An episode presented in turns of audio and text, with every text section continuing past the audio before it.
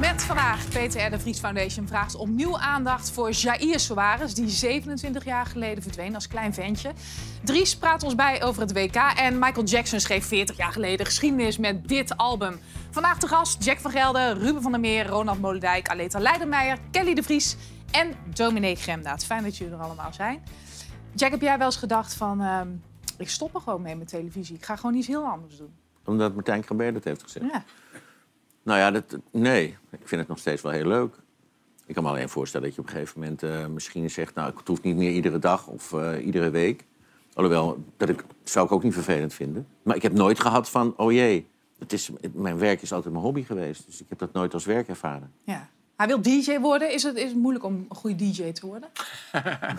Ik doe dus precies wat hij heel graag zou willen. Ik draai dus elk weekend en mag af en toe op televisie werken. Ja, dat vindt hij heerlijk. Maar is Ja. dat lastig? Een goede DJ zijn? Eh, nou ja, het, eh, het blijkt, want er zijn niet zo heel veel mensen die een dansvloer volhouden of überhaupt vol maken. Dus het is niet heel makkelijk. Wat maakt een DJ goed dan? Smaak Smaak? en timing. Ja, want jij bent samen met eh Erland een DJ-duo. ja. Wat maakt Erland dan goed? Ook smaak en timing, ja, absoluut. Want dat is wel wat je nodig hebt om een zaal te entertainen. Ja, jullie vullen elkaar een beetje aan.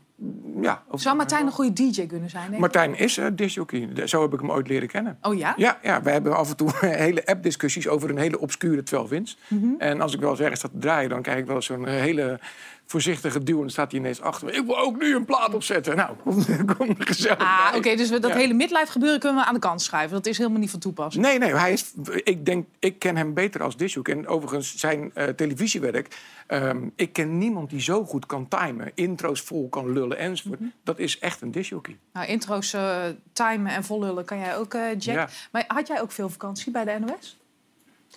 Jij doet nu weer op Rafa van der Vaart. Ja, je houdt ik, ook moet, alles ik, moet, bij, ik hè? moet steeds gaan invullen wie, wie het nu. Ja, ja.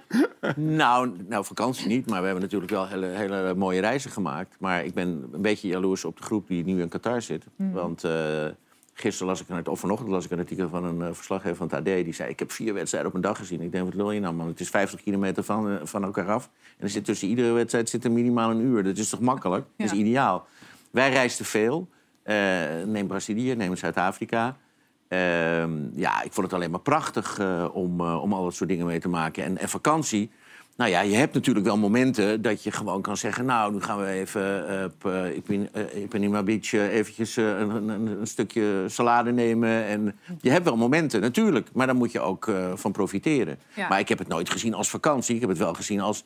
Jeetje, ik kneep mezelf wel eens figuurlijk in de wang... dat ik het allemaal heb mogen meemaken. Ja, dat is ook wel zo. Even voor duidelijkheid. eh Rafael van der Vaart gaf gisteren aan. Hij was natuurlijk in Qatar hè, met Tom Egbers bij een wedstrijd. Hij zei, ja, ik hoefde niet zoveel te doen. Ik heb lekker eh, gezwommen, padellen en een beetje vakantie. Ja, daar begrijp ik dus helemaal niks van. Dat, dat, eh, dat hij dat roept is niet handig. Nee, ik het zo ah, maar dat is typisch Maar het is wel lief. Ja, zeker. Ja, lieve jongen, zeker.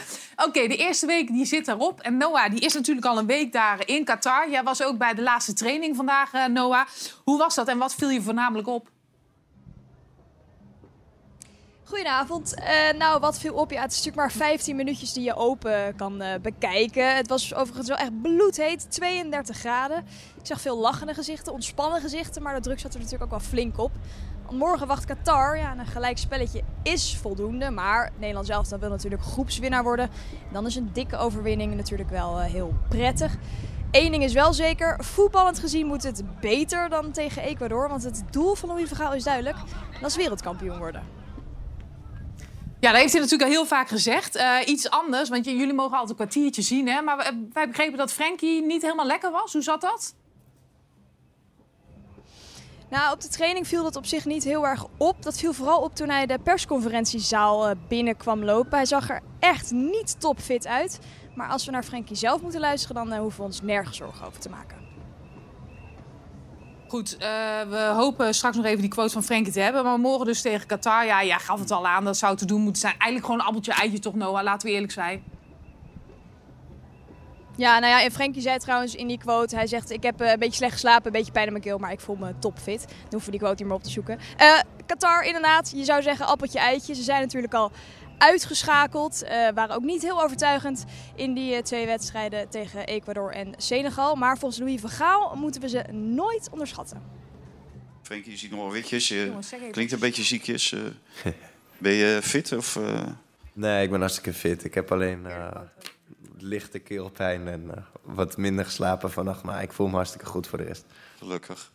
Eh, mijn indruk is eh, dat elke wedstrijd hier op het WK eh, moeilijk is. Eh, dat zie je wel aan, aan de uitslagen. 0-0, gelijke spelen. En eh, hele kleine overwinningen over het algemeen. Er zijn uitzonderingen daar gelaten. En datzelfde geldt natuurlijk voor Qatar. Nou, de spirit zit erin, Noah. Ik zie het al.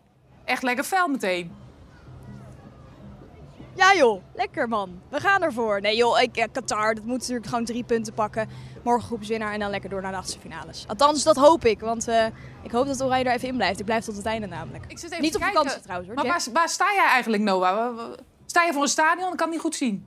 Waar ben jij? Nee, wij staan eh, op Katara Beach heet dat. Dat is een, eh, een plek waar best wel veel locals komen. Dus ik zie vooral heel veel witte en zwarte jurken.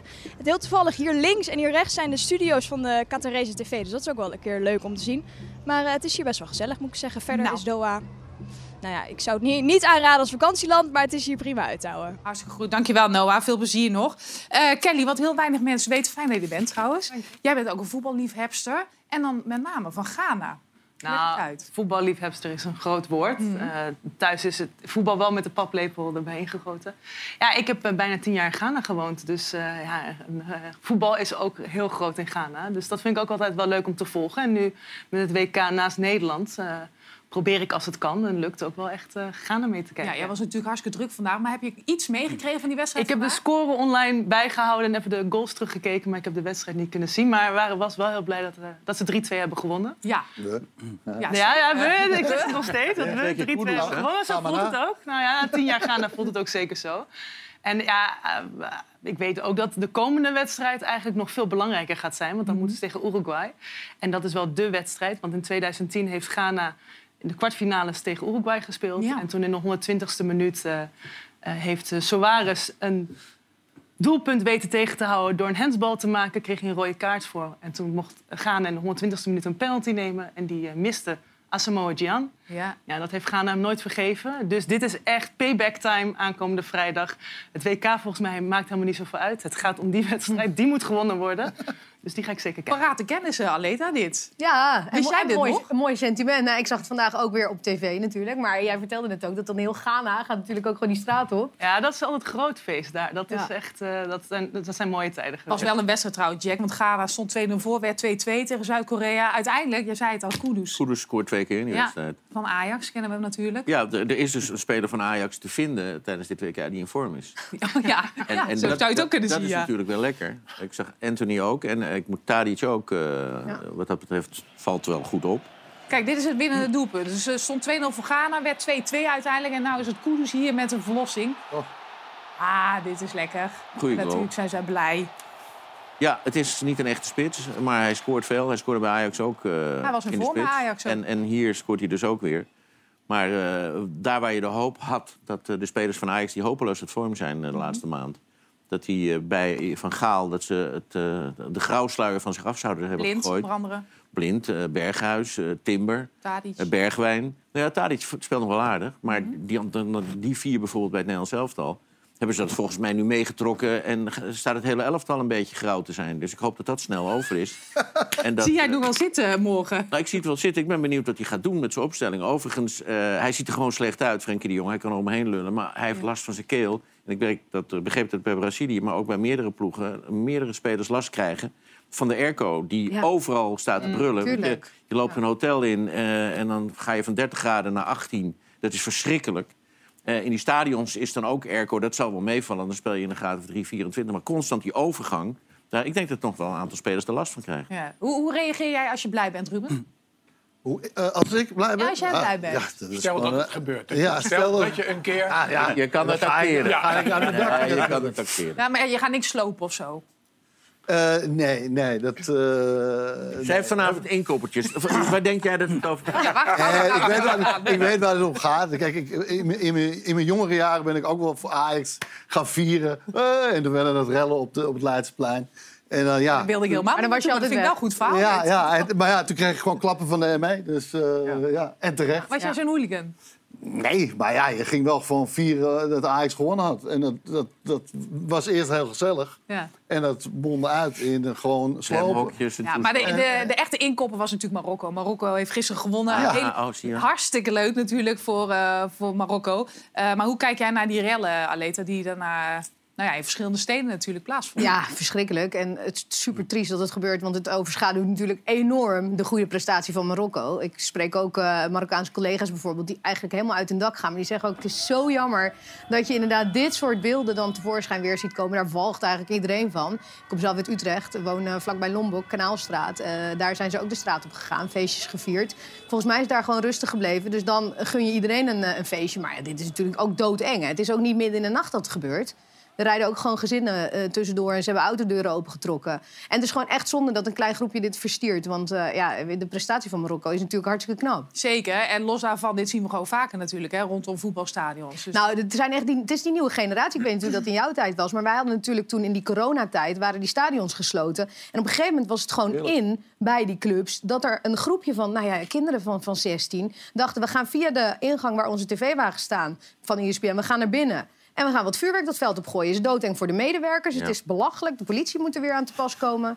Dat is Ja, toch iets... maar iets... het, het erge is dat we niet genoeg straffen. En eh, als, je dit soort, als je dit soort dingen ziet... Ja, dat dan, eh, toen over Ajax. Ik, ik, ben nog, eh, ik was nog jong toen in de Provo-tijd. En dan waren er rellen in de stad. En als je dan toevallig de pech had dat je in de stad was... en er waren rellen bij het Maagdenhuis en al dat soort dingen... dan ging de politie echt, eh, politie te paard, ging door de straten. En, en, en als, je, als je niet snel opgesodemieterd was... dan kreeg je gewoon een, een ros voor je kop. ja, maar ja, we hebben ook weer te weinig politie, enzovoort, enzovoort. Ja, en nu weinig iedereen met zijn politie. mobieltje filmen. En dan gaan Ja, ze achter die agenda. Maar ik begrijp nu, er zijn zoveel rellen geweest. En laten we even de drie grote steden nemen. Er zijn, als ik het goed zag, drie mensen aangehouden.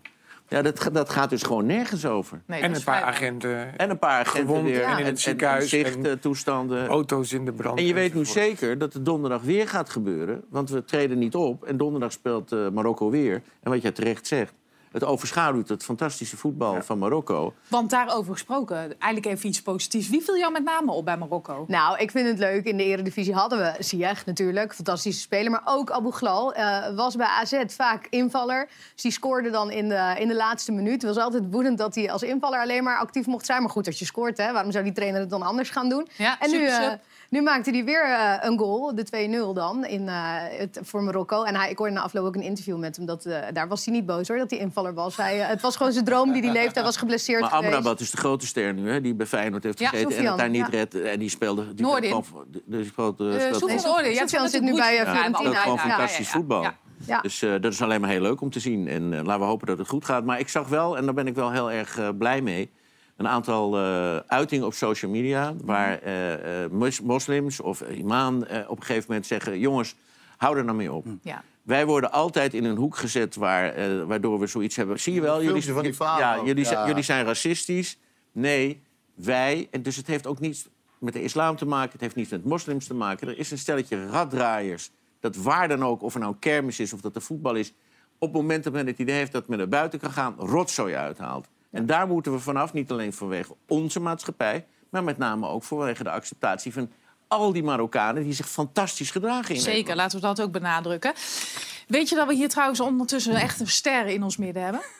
Maar echt een ster? Ah, hè, hè. Ja, ja, ja, ja. Ah, nee, ik heb het over Dries natuurlijk, want Dries, Dries kom op. Jij houdt het WK volgens mij. Ik heb je helemaal niet zien Ah, binnenkomen. Ja, maar Dries slaapt dan binnen in zijn gele, in zijn gele broek. Geen crisis. Eh, Dries, eh, hartstikke mooie review in, eh, in de Volkskrant. Jij bent eigenlijk wel een beetje de ster van deze Ja. show. Dat moet je toch goed doen? Nou, de Volkskrant was heel te spreken over dit programma. Die, die zeggen eigenlijk, eh, ja, per week wordt het beter. Ja, jij tilt het niveau een beetje omhoog, hè? En ze waren ook te spreken over mij, terwijl ik alleen maar een paar filmpjes laat zien. En het leukste vond die journalist als ik een vraag stel tussendoor. Als ik nou bijvoorbeeld aan Jack nu vraag... Ja. zou Oranje morgen met 5-0 kunnen winnen?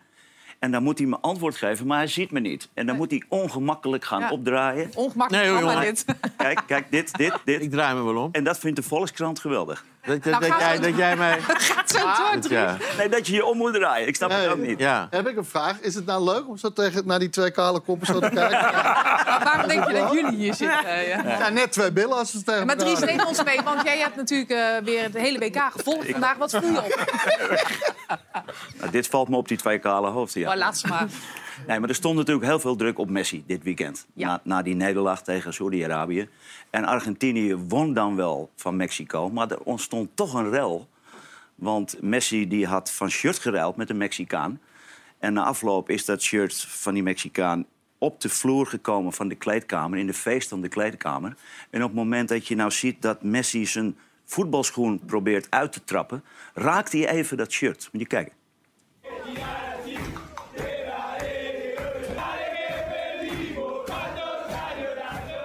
Nou, daar waren natuurlijk niet eh, alle Mexicanen blij mee. Onder andere een eh, Canelo Alvarez.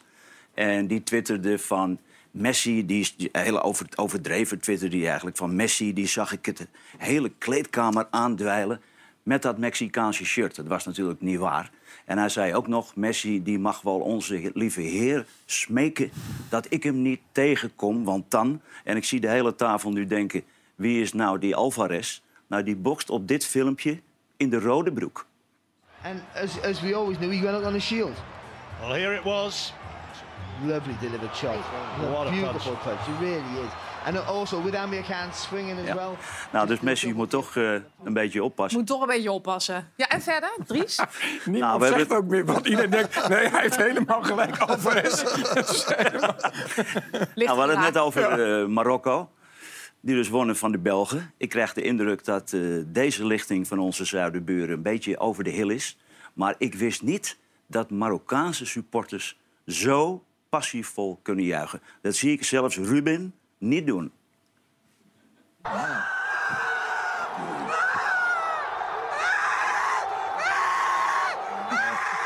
Nou, doe even na. Zegt nou Dennis Bergkamp of wat zegt hij? Oh jee. Ga ik wel doorgaan. Nee, dit was het. En we gaan het zo over Louis van Gaal hebben. Maar jij bent dik bevriend met Louis. Nou, dik bevriend, dik bevriend. Ik heb hem een aantal keren mogen ontmoeten. Hij heeft me een paar keer zien optreden. En ik ben bij de film geweest in Tuschinski.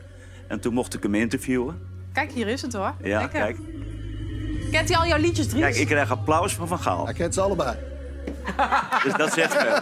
Wat ben je toch gemeen? Je mag hem daar terugpakken. Dankjewel, Dries. We gaan het over eh, hele serieuze zaken hebben. Stel je nou eens eventjes voor. Op de een of andere dag raak je je kind vermist... en je hebt geen enkele aanwijzing wat er gebeurd zou kunnen zijn.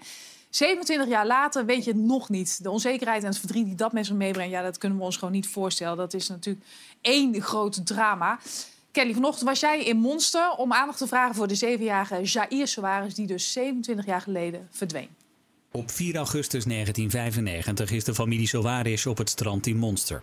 Aan het eind van de middag halen ze een ijsje bij een strandtent. Als ze de kleine Jair daar even uit het oog verliezen, blijkt de jongen ineens verdwenen.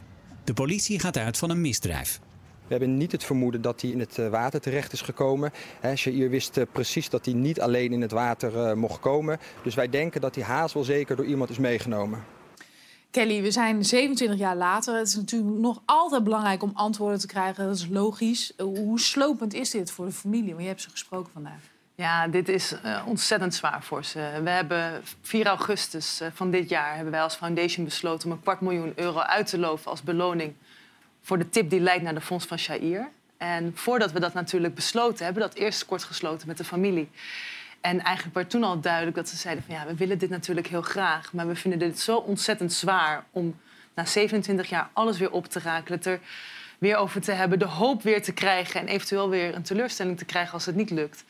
En toch eh, eh, hebben we de handen in elkaar ges- ge- gesloten en, eh, en gaan we hiervoor met elkaar. Ja, want je bent onder andere met zijn broer vandaag op pad geweest. Jullie hebben flyers in de bus gedaan. Wat voor flyers waren dat? Ja, we hebben inderdaad besloten om als een soort van tweede grote actie in de periode van zes maanden die we voor deze zaak uittrekken, een flyeractie te doen in de omgeving van Monster, waar het 27 jaar geleden is gebeurd. Eh, dat deed ik samen inderdaad met Claudio, maar ook samen met het Veteranen Search Team. Er waren ongeveer 50 vrijwilligers. vrijwilligers. En gezamenlijk hebben we 7000 flyers over de vermissingszaak van eh Shair door de bus gedaan. Met de informatie over de beloning, de contactinformatie, hoe mensen ons kunnen bereiken. Maar we hebben er ook een, eh, een speciale editie in gedaan. We hebben het verhaal van Shair laten visualiseren in de vorm van een strip. Zodat ook mensen die geen zin hebben om misschien eh, eh, het allemaal te lezen of een artikel in de krant te lezen, die dan toch dit visueel voor zich kunnen halen en misschien denken: hé, hey, maar nu komt het me eigenlijk wel bekend voor. Ik weet hier iets van, of ik was die dag toevallig op het strand, ik heb misschien nog wel wat foto's van die dag. Ja, of toch iemand die zegt, ja, ik weet eigenlijk wel wat, want ik, eh, ik ben de dader of ik ken de dader. eh, en ik, eh, ik wil eindelijk mijn verhaal doen, want ik kan er niet meer tegen om die familie zo verdrietig te zien. Ja, dat is wat je uiteindelijk ho- hoopt. Dat er antwoorden komen. Super slim, zo'n strip, want het spreekt ook meteen aan. Je denkt, hé, hey, wat, wat staat erop? Waarom hebben jullie voor deze zaak gekozen? Want er zijn, nou, ik heb het even opgezocht, ruim 1700 cold cases. Cold cases. Dat Ja. is gigantisch. Waarom kiezen jullie hiervoor? Nou, mijn vader heeft toen eh, Stichting De Gouden Tip opgericht... met als doel Tanja Groen te vinden. Ehm, we- vanuit de foundation hebben wij toen gezegd van... gaan wij naar Tanja door? Want het was mijn vaders idee. Ik was daar natuurlijk in eerste instantie helemaal niet bij betrokken. Wij hebben toen besloten dat we door willen gaan. Niet alleen Tanja onder de aandacht brengen, maar ook andere zaken. En toen zijn we naar verschillende vermissingszaken in eerste instantie gaan kijken. Daar hebben we toen enkele uitgekozen. En dat is een combinatie van factoren. De familie moet inderdaad eh, akkoord zijn. Die moeten dit willen doen. eh, de energie weer voor hebben. Het cold case die moet klaar zijn. Eh, de tips worden uiteindelijk door hun uitgerechercheerd. Bij ons komen de tips binnen. Dat kan ook anoniem. Dus wij zorgen dat het dan geanonimiseerd wordt als het naar het cold case team gaat. En tegelijkertijd kijken we inderdaad een beetje van wat voor zaken zijn het. Is het een zaak waarvoor mijn vader zich voor- vooral heeft ingezet? Of is het een zaak die onszelf aan het hart grijpt? En Shair is zo'n zaak waarvan je denkt... iedereen kan zich indenken hoe verschrikkelijk het moet zijn... als je naar het strand gaat met je gezin... en dat er eentje niet mee thuis komt. Dat kan gewoon niet. Ik zit meteen even aan Nina te denken. Jouw eh, kleine spruit. Dat is echt het ergste wat je kan overkomen. Nou ja, je leest ook, hierin lees je ook van... ze zijn hem eh, nou, nog niet eens een minuut waarschijnlijk uit het oog verloren. En, en in zo'n korte tijd gebeurt dit dan. Dus dat is, dat is natuurlijk helemaal onvoorstelbaar, denk ik. Want je, je ziet die familie nu ook en zo. Zij, zij wonen daar dus nog, in die buurt. Nee, zij wonen, niet, zij wonen geen eens in de buurt. Dat was ook het frappante. Dat zij eigenlijk nooit in Monster kwamen. Dat ze één keertje daar waren. En dat, eh, dat er zoiets gebeurt. En weet je, we zitten natuurlijk ook in andere tijden. 1995 is niet 2022. Mobiele telefoons waren niet, niet zoveel camera's. Tegenwoordig lopen kinderen met een GPS-horloge rond. Ja. Ehm, er zijn toen ook gewoon in het begin heel veel fouten gemaakt. Eerst gedacht dat jongetjes misschien weggelopen. eh, eh, toch niet gelijk eh, geanticipeerd op het feit dat het een misdrijf kan zijn. Ja, dan loop je wel achter de zaak aan. En nergens een aanknopingspunt? Helemaal niks? Nul? Nee, eigenlijk niet. Er is natuurlijk nooit een, eh, een lichaam gevonden. We weten niet of hij leeft of dat hij is overleden. Dus ook geen DNA-bewijs. Nou, inderdaad, geen camerabeelden. Oeh. Er zijn dan wel eh, verschillende verdachten gehoord in het verleden, maar ook daar is niks uitgekomen. Dus je moet het echt hebben van iemand die wat weet. Iemand die toevallig iets heeft gezien. Of misschien iemand die daar was en geen eens denkt, ik weet iets, maar inderdaad misschien die foto thuis heeft liggen van leuk spelende kinderen en toch toevallig iets op Ja. de achtergrond kan Toch. zien. Hoe Daar, groot is de hoop eigenlijk bij de familie? nou, Claudio verwoordt het mooi. Eh, eh, hoop is het laatste wat sterft. Dus hoop is er altijd. Maar je opladen voor hoop, ja, dat is ook echt ontzettend moeilijk. En dat had ik vandaag, kon ik ook echt wel weer aan Claudio zien. Eh, hij staat daar, hij doet het ontzettend goed. Onwijs knap wat hij, eh, wat hij daar ook vertelt. Ook naar dat veteranen search team toe, hoe hij ze bedankt. Maar na afloop zie je gewoon de energie die het kost. En het verdriet die het tot de dag van vandaag doet. Wat doet het eigenlijk met jou? Want ik kan me voorstellen, je, je, je gaat zo op in die hele zaak. Je, je ziet het verdriet bij mensen. Hoe ga jij daarmee om? Ehm, dubbel. Ik denk ten eerste dat met alle mensen, en dat zijn ook in de zaken waar we nu ons voor inzetten met Germen van der Boom of Rosleni Magdalena. ehm, je deelt verdriet omdat je allebei een geliefde bent verloren op, op een niet normale manier. Ehm, dus ik denk dat je soms aan één blik, ook al zijn het natuurlijk andere zaken, ehm, wel herkenning ziet en elkaar kan begrijpen en, en, en de, de boosheid en het verdriet kan delen. Ehm, tegelijkertijd is het natuurlijk ook voor mij een stukje waar ik mijn, mijn tijd en mijn aandacht aan kan besteden. Waardoor ik er ook kracht uit haal en het fijn vind om voor een ander bezig te zijn en een ander te kunnen helpen. En dat ja, sterkt je soms in je, in je eigen verdriet. Ja, dat kan ik me voorstellen. Zijn er eigenlijk al tips binnengekomen? Of is dat te vroeg? Nee, sinds 4 augustus zijn er al 100 tips binnengekomen in de zaak van eh Shair Soares. En vandaag, eh, sinds de flyeractie, ook al, eh, ook al enkele. Ehm, inhoudelijk kan ik daar nog niet zoveel over zeggen, maar eh, wij gaan daar zeker mee aan de slag. Ja, wij hebben een verouderingsfoto. Dat vind ik ook altijd Ja, eh, vind ik echt. Want Shair was destijds zeven en we hebben een verouderingsfoto van... Nou, deze is ook al tien jaar oud. We zijn momenteel bezig om een nieuwe verouderingsfoto Ja. te regelen.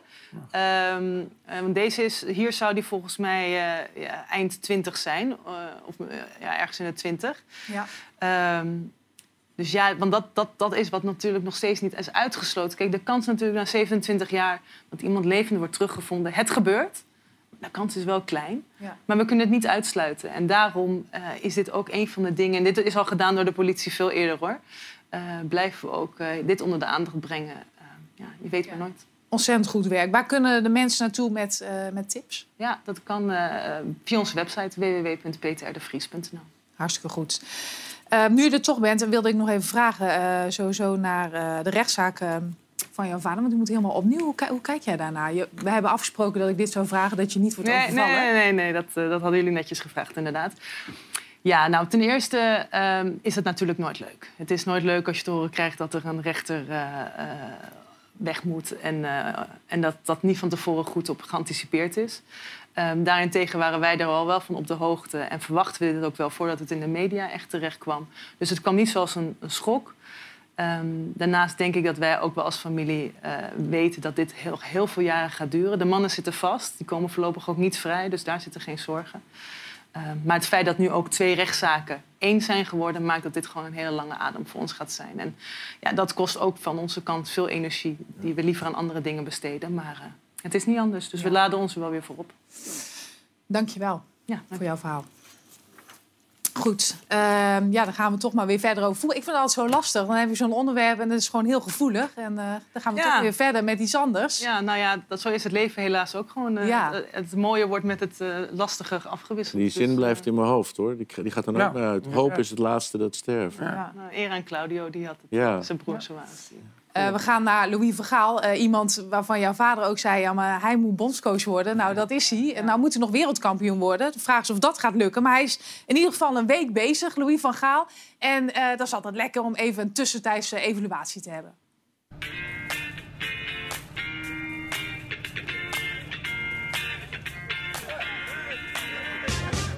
I don't have any question uh, for you. It's just the opportunity to tell you how I'm a fan of you. Ik vind het wel leuk dat je dit zegt. Dat meen ik serieus. Dat gebeurt niet vaak. Dus we gaan elkaar lekker knuffelen direct.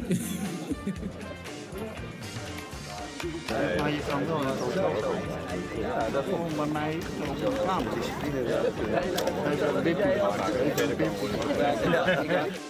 And I believe that we can come an end.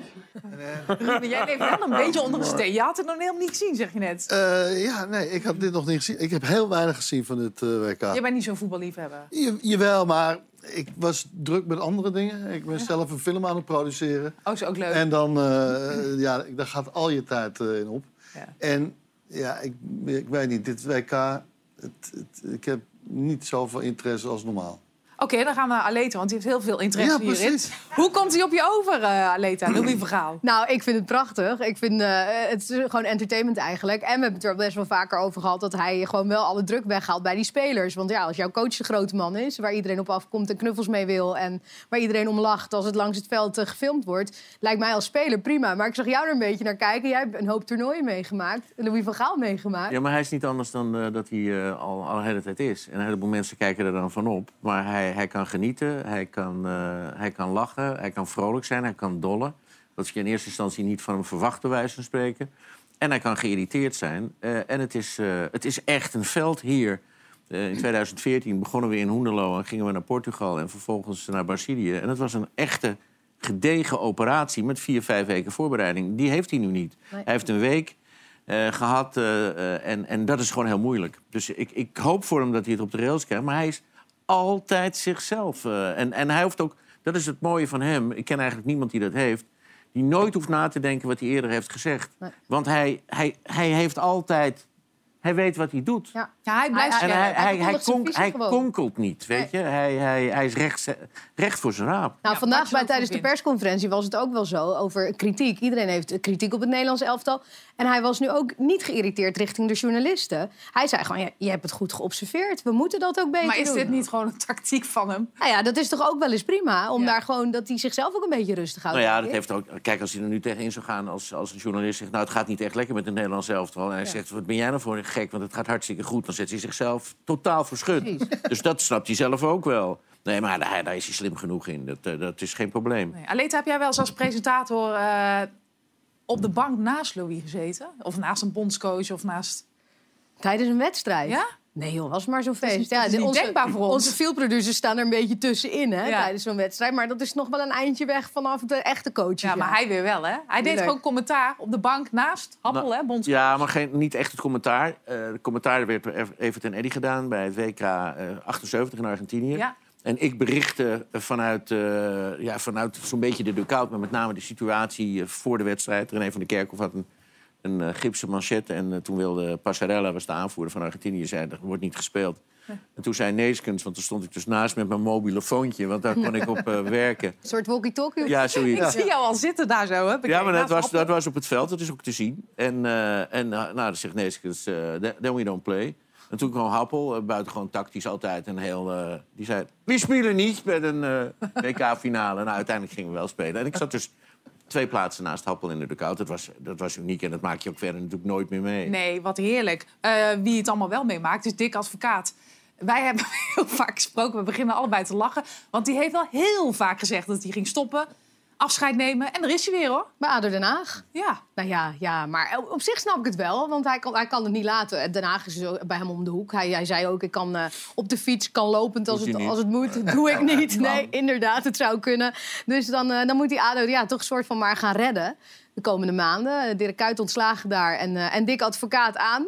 Nou ja, bezig als laatste klus, zeg het maar. Nee, maar ik kan me dat wel goed voorstellen. Want ik, uh, ik ben ook, uh, ik, ik, ik, spreek hem geregeld, maar ik heb bijvoorbeeld ook vaak contact met Henk ten Katen. Mm. Nou, beide hoeven het absoluut niet voor het geld te doen. Nee. Maar uh, het kriebelt gewoon. Hij die, hebben ook, die hebben ook geen zin om een hele lange tijd niks te doen. Sorry, Henk zit nu vaak in, in Spanje en golft daar vaak. Ja. Uh, maar als hij ziet dat hij zijn handicap toch niet echt omlaag krijgt... dan gaat hij misschien wel weer een club doen. Weet je? Maar hij ook is gewoon een liefhebber. Dit is geweldig. En dit, dit wist kan ik wel. Dit wist ik Dit, wel. ja, hartstikke Ja. goed, Ruben. Ah, dit is even, even geweldig. naar Dick Advocaat, die Ja. bij ESPN, eh, onder andere bij jou... maar ook bij Barbara Barend toen nog, al heel lang geleden... Ja, ja. elke keer zei, nee, nee, nee, dit is echt mijn laatste club. Normaal kan je applaus in weken, gezamenlijke voetbalsport en alle mensen die hierbij zijn, een groot applaus voor deze man. Die de voetbalsport in Nederland en met name de liefde voor ADO, zeg maar, hier in ere heeft gehouden. En Dick, ik wil vragen of jij dit oranje shirt wil signeren. Mooi gesproken hoor. Goed gedaan. Alsjeblieft. Dankjewel. Dan moet ik uitkijken, anders ga ik mee. Oh, dat is ook, dat is Even ook voor wel mooi duidelijkheid, herkenbaar. dit was vandaag. Hij werd Ja. emotioneel. Dick Advocaat wordt hij natuurlijk wel, eh, wel vaker. Maar eh, dit is een mooi tafereel. Dat was natuurlijk niet al die keren bij ESPN dat hij aangaf dat hij eh, echt zou stoppen. Maar die hebben we natuurlijk nog eventjes. Dick Advocaat niet meer als clubcoach. Waarom? Nee, maar dat heb ik ook al eerder gezegd. Ik ben nu 62 en eh, dus ik wil het gewoon wat rustig aan gaan doen. Dit wordt jouw laatste kunstje in Nederland. Dat klopt. Stoppen?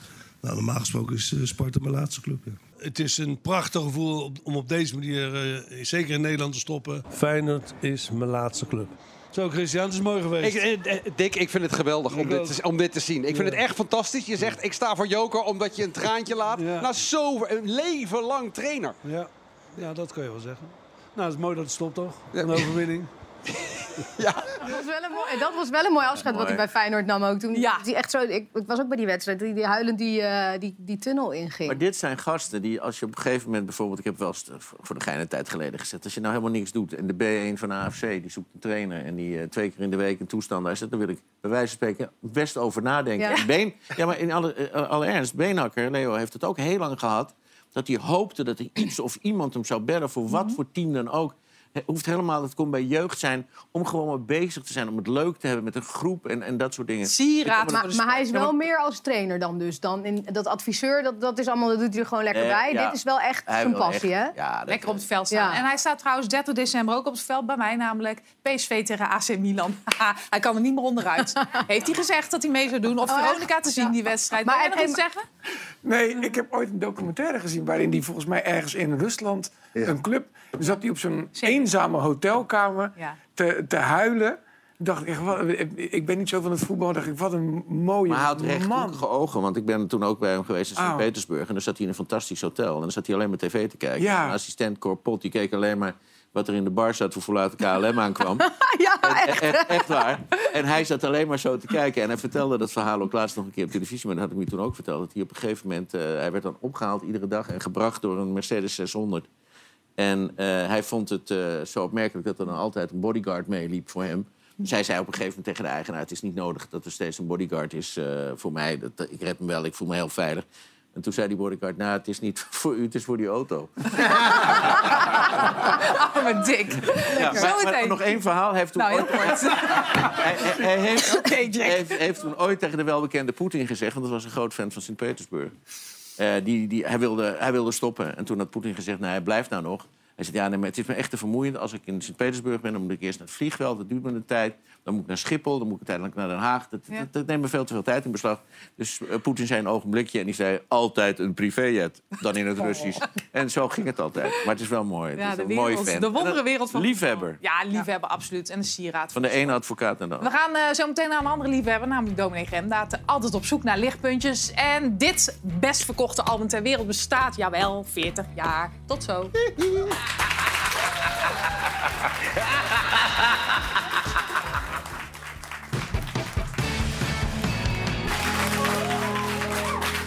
Welkom terug. Wie eh, bij ons aan tafel heeft dit album eigenlijk? Super bekend album. Ja. Ja? Ja, ik, ik verslijt ook albums, zeg maar, dat ze gewoon echt op zijn. Ja, maar voor jou vind ik niet zo gek. Oh. Jij bent zo'n muziekliefhebber, maar heb, heb jij hem ook, Aleta? Eh, volgens mij hebben wij geen LP. Ja, we hebben denk ik wel een LP van eh, Michael Jackson thuis staan, maar niet deze. Kelly? Geen liefhebber van Michael Jackson? Nou, ik, ik eh, heb daar ook wel naar geluisterd. Ehm, maar er was iets, net iets voor mijn tijd, dus ik ben daar niet heel erg eh, voor mijn gevoel mee opgegroeid. En de LP's heb ik thuis niet. dus, Nee, eh, maar dit is natuurlijk wel het beste verkochte album ter wereld. Ruben, jij bent Ja. helemaal idolaat van Michael Jackson. Even, even t-shirt. Ja, t-shirtje speciaal aangetrokken, thriller. Joh, ik heb zelfs het eerste kaartje nog van mijn eerste concert. Waar? Waar was Eh, dat was eh, in de Kuip. In de Kuip? En ik, al- alle keren dat hij in Nederland was, ben ik geweest. En dus die eerste, ja, die heeft mijn broer voor me ingeluisterd. Toen was ik samen met mijn broer. Het leuke was, mijn broer was groot Elvis-fan. Ja. Dus toen hij met eh, zijn dochter ging, hebben we nog gehaai tent. Heet dat. maar dat duurde niet lang. Maar waar komt die fascinatie vandaan? Nou ja, ik was al eh, voor Thriller eh, van kinds af aan hoorde, eh, luisterde we thuis altijd eh, de Jacksons. eh daarvoor ook Jackson 5. En eigenlijk van Destiny, de, van de Jacksons, was ik helemaal fan. Ja. En toen kwam Off the Wall. Nou, dat was natuurlijk gruwelijk. Wat een plaat dat was. En toen dacht je, je komt daar een nieuwe aan. Nou, hopen dat het net zo goed is. En dan gewoon van het eerste moment dat je hem opzet... en Wanna Be Starting Something begint... Nou, dan zit je er gewoon in. En, je, en je wil gewoon opspringen. En eh, je, je wil eerst zitten luisteren, maar dat gaat gewoon niet. Nee? Je kan niet Nee. stilzitten. Je moet bewegen. Nou ja, met deze muziek wel. Ja. Het, is, het is gewoon... En dit was echt, echt geweldig. Thriller, 40 jaar. Wat is eigenlijk het beste nummer wat erop staat? Pretty Ronald. Young Thing. Precies. Ja, ja. Nou, hier zijn we het eens. Waarom? Ja, Ja, voor toch? het eerst vanavond eigenlijk. Eh, wel ja, nee, leuk. omdat het, eh, Ja. omdat het een, eh, eh, het ook een heel mooi ingetogen nummer is. Wat ook iets anders klinkt dan de meeste. Ja, de rest. Ja. ik zat natuurlijk meteen te denken aan Billie Jean, Beat It. Dat zijn voor mij eigenlijk wel de, de meest Thriller, bekende denk ik nummers. dan? Ja, Thriller. Ja, ja. ja. En. Wanna Be Starting Something. Alleen al die ja. eerste snare, als je Ja, die hoort, die ben je ook gewoon weg. Waar luister jij dit album altijd? Eh, ja, anywhere. Als, als ik hem weer voorbij... Ah, weet je, zo, zetten we hem weer even op. Ja, In de auto, thuis, op mijn werk. bij de Bijenkorf. Maar- Bijenkorf. Bij de Bijenkorf natuurlijk. Nou, dat was natuurlijk... eh, wij hadden nog een VHS-recorder of speler. En er kwam een making-of van eh, Thriller. Mhm. En eh, nou, dat duurde gewoon een uur. Het was een documentaire van een uur. En ik wist dat ze die verkochten in de Bijkorf. En ze hadden daar dus een tv'tje op staan. Dus woensdagmiddag na school daar naartoe gegaan. En tot, ja, tot sluitingstijd zat ik daar met een groepje kinderen en nog wat volwassenen. eh, gewoon in, in, Lekker de loop, luisteren. in de loop. Ja. Nou, heerlijk. Voor die paar mensen die geen Oh, idee man. hebben waar we het over hebben... even kijken naar de nummers op dit grootste album. Ja,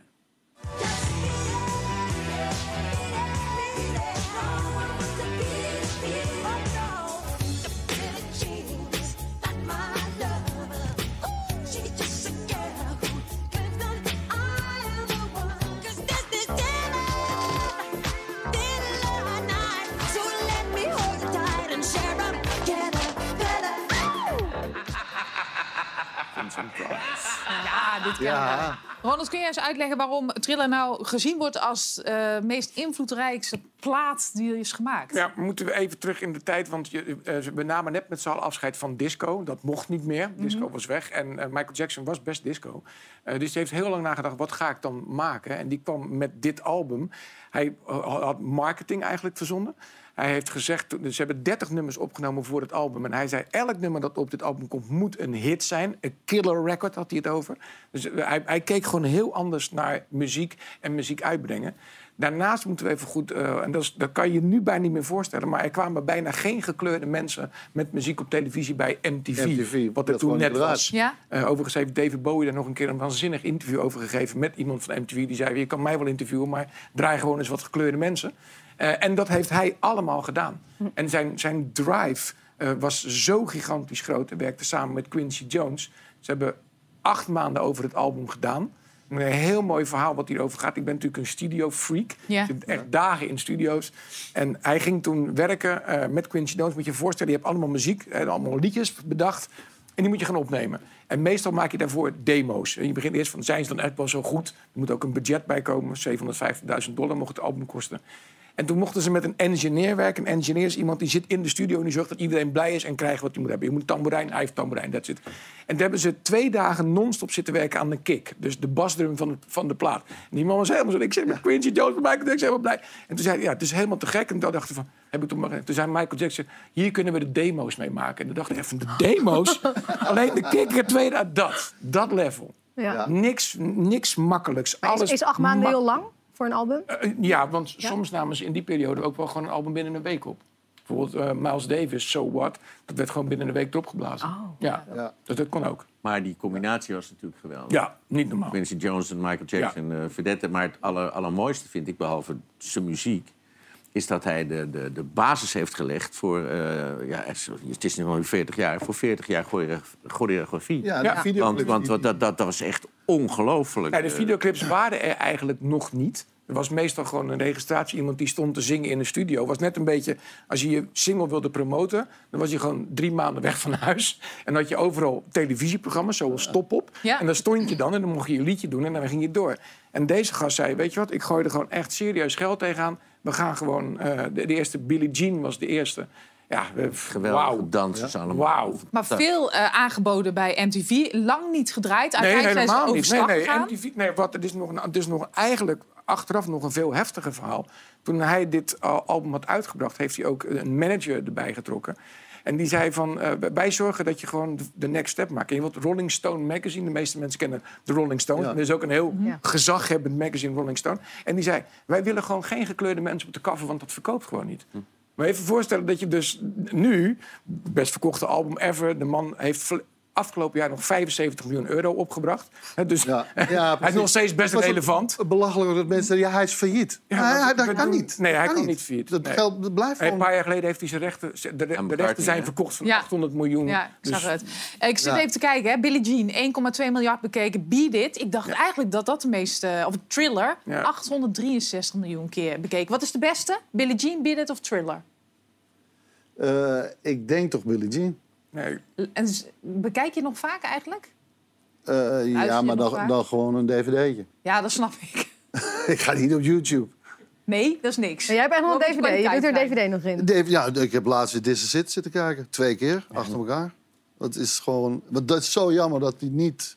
O2 Arena zou die gaan doen. Ja. En Ja. eh, die show...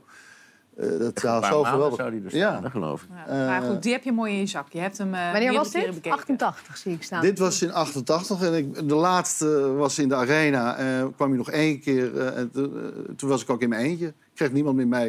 Ik heb het nou wel gezien. Toch nou, eigenlijk duur voor die tijd, Oh, 42 gulden 50. Nee, even serieus. Ja, nee, maar daar heb je gelijk in. Maar dat was dat een mega, was een mega show. Ja, dat maar dat zeiden ook mensen van, ja, ik vind hem niet zo goed. Want het is heel veel spektakel. Het is allemaal zo heel veel. Ik zeg, ja, maar dat is heerlijk. Maar weet je wat het grappige is? Het, het liedje waar iedereen op zit te wachten is Billie Jean. En er is er één spotlicht, één hoedje, een, een handschoen. Ja. Eh, Geen band, niks. En er staat hier eens eentje voor soms wel 120.000 man, weet ik veel. En iedereen wordt gek. Gigantische Het is performer. helemaal geen grote spektakelshow. Ga jij eigenlijk nog wel eens naar eh, concerten, Jack? Of, eh, Ja, geregeld. Ja, hoor. wat vind je dan leuk? Nou, ja, dat kan heel verschillend zijn. Eh, wat ik heel erg, eh, wat ik een geweldige showman vond, was, eh was Bublé. Die heb ik een tijd. Oh, ja. Michael Bublé. Ja. Ja, die heb ik Ja? laatst ook gezien en fantastisch. Mijn vrouw is helemaal gek van Sting. Ik had er niet zoveel mee. En toen ik een keer naar Sting was geweest, vond ik het toch ook wel heel erg lekker. Maar ik hou, ja, maar ik, ik ben heel divers. Ik ben begonnen zeg maar, bij de Beatles, maar eigenlijk zoals Michael Jackson. Ik hou erg van soul en alle stromen die daarna zijn gekomen. Eigenlijk vanuit gospel ontstaan. Eh, en daarna, eh, ja, ik was vroeger gek bijvoorbeeld op een band als Blood, Sweat and Tears en dat soort dingen. Ja. Ja, dus ik ben heel gevarieerd. En André Eh, Rieu, vind je dat ook leuk?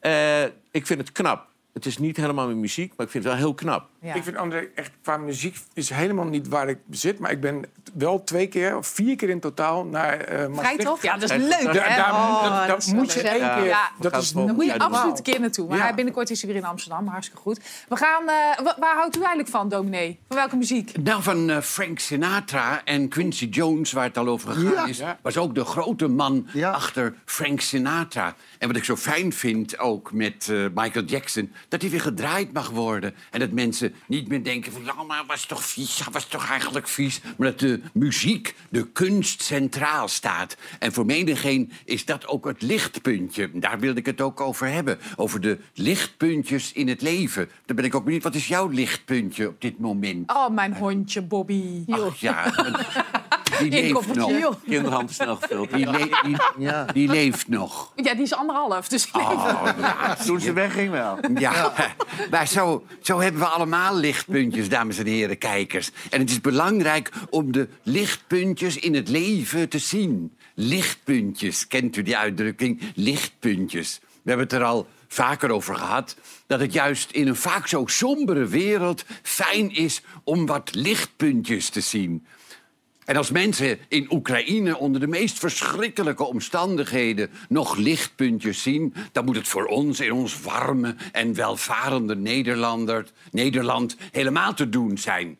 Lichtpuntjes zien. Misschien moet je eens aan een willekeurig iemand vragen op straat of waar dan ook. Wat zie jij als lichtpuntje? Of je vraagt het gewoon aan je eigen man of vrouw, zoals sommige mensen zeggen. Wat zie jij als lichtpuntje? Durf eens heerlijk soft te zijn, dames en heren. Leg eens het accent op de leuke dingen in het leven. Op prettige mensen, op mooie tv-programma's. Inspirerende theatervoorstellingen. Paul de Leeuw, Job Pannenkoek. eh, Peter Pannenkoek, Job is zijn vader. Mm, ja, die tijd ben ik. Dames en heren, durf te genieten. Durf te genieten. Zonder schuldgevoel. Je hebt mensen, u kent ze misschien wel, die zich schamen voor hun vrolijkheid. Oh, ik ben zo ben, ben in zo'n vrolijke bui. Sorry, wat erg, hè? Nee, dat is niet erg. En het is ook niet erg als je afstand neemt van het negativisme... van mensen die alles even verschrikkelijk vinden. Ik sprak van de week een vrouw en die straalde van geluk... want ze had de groene specht gezien en gehoord. De specht met de lachende roep. Ja, die specht. Ja, zo is dat genoeg. Gaan we een beetje Matthijs van Nieuwkerk spelen. Waar gaan we nou... Wie doet dat nou? Dames en heren, humor, humor.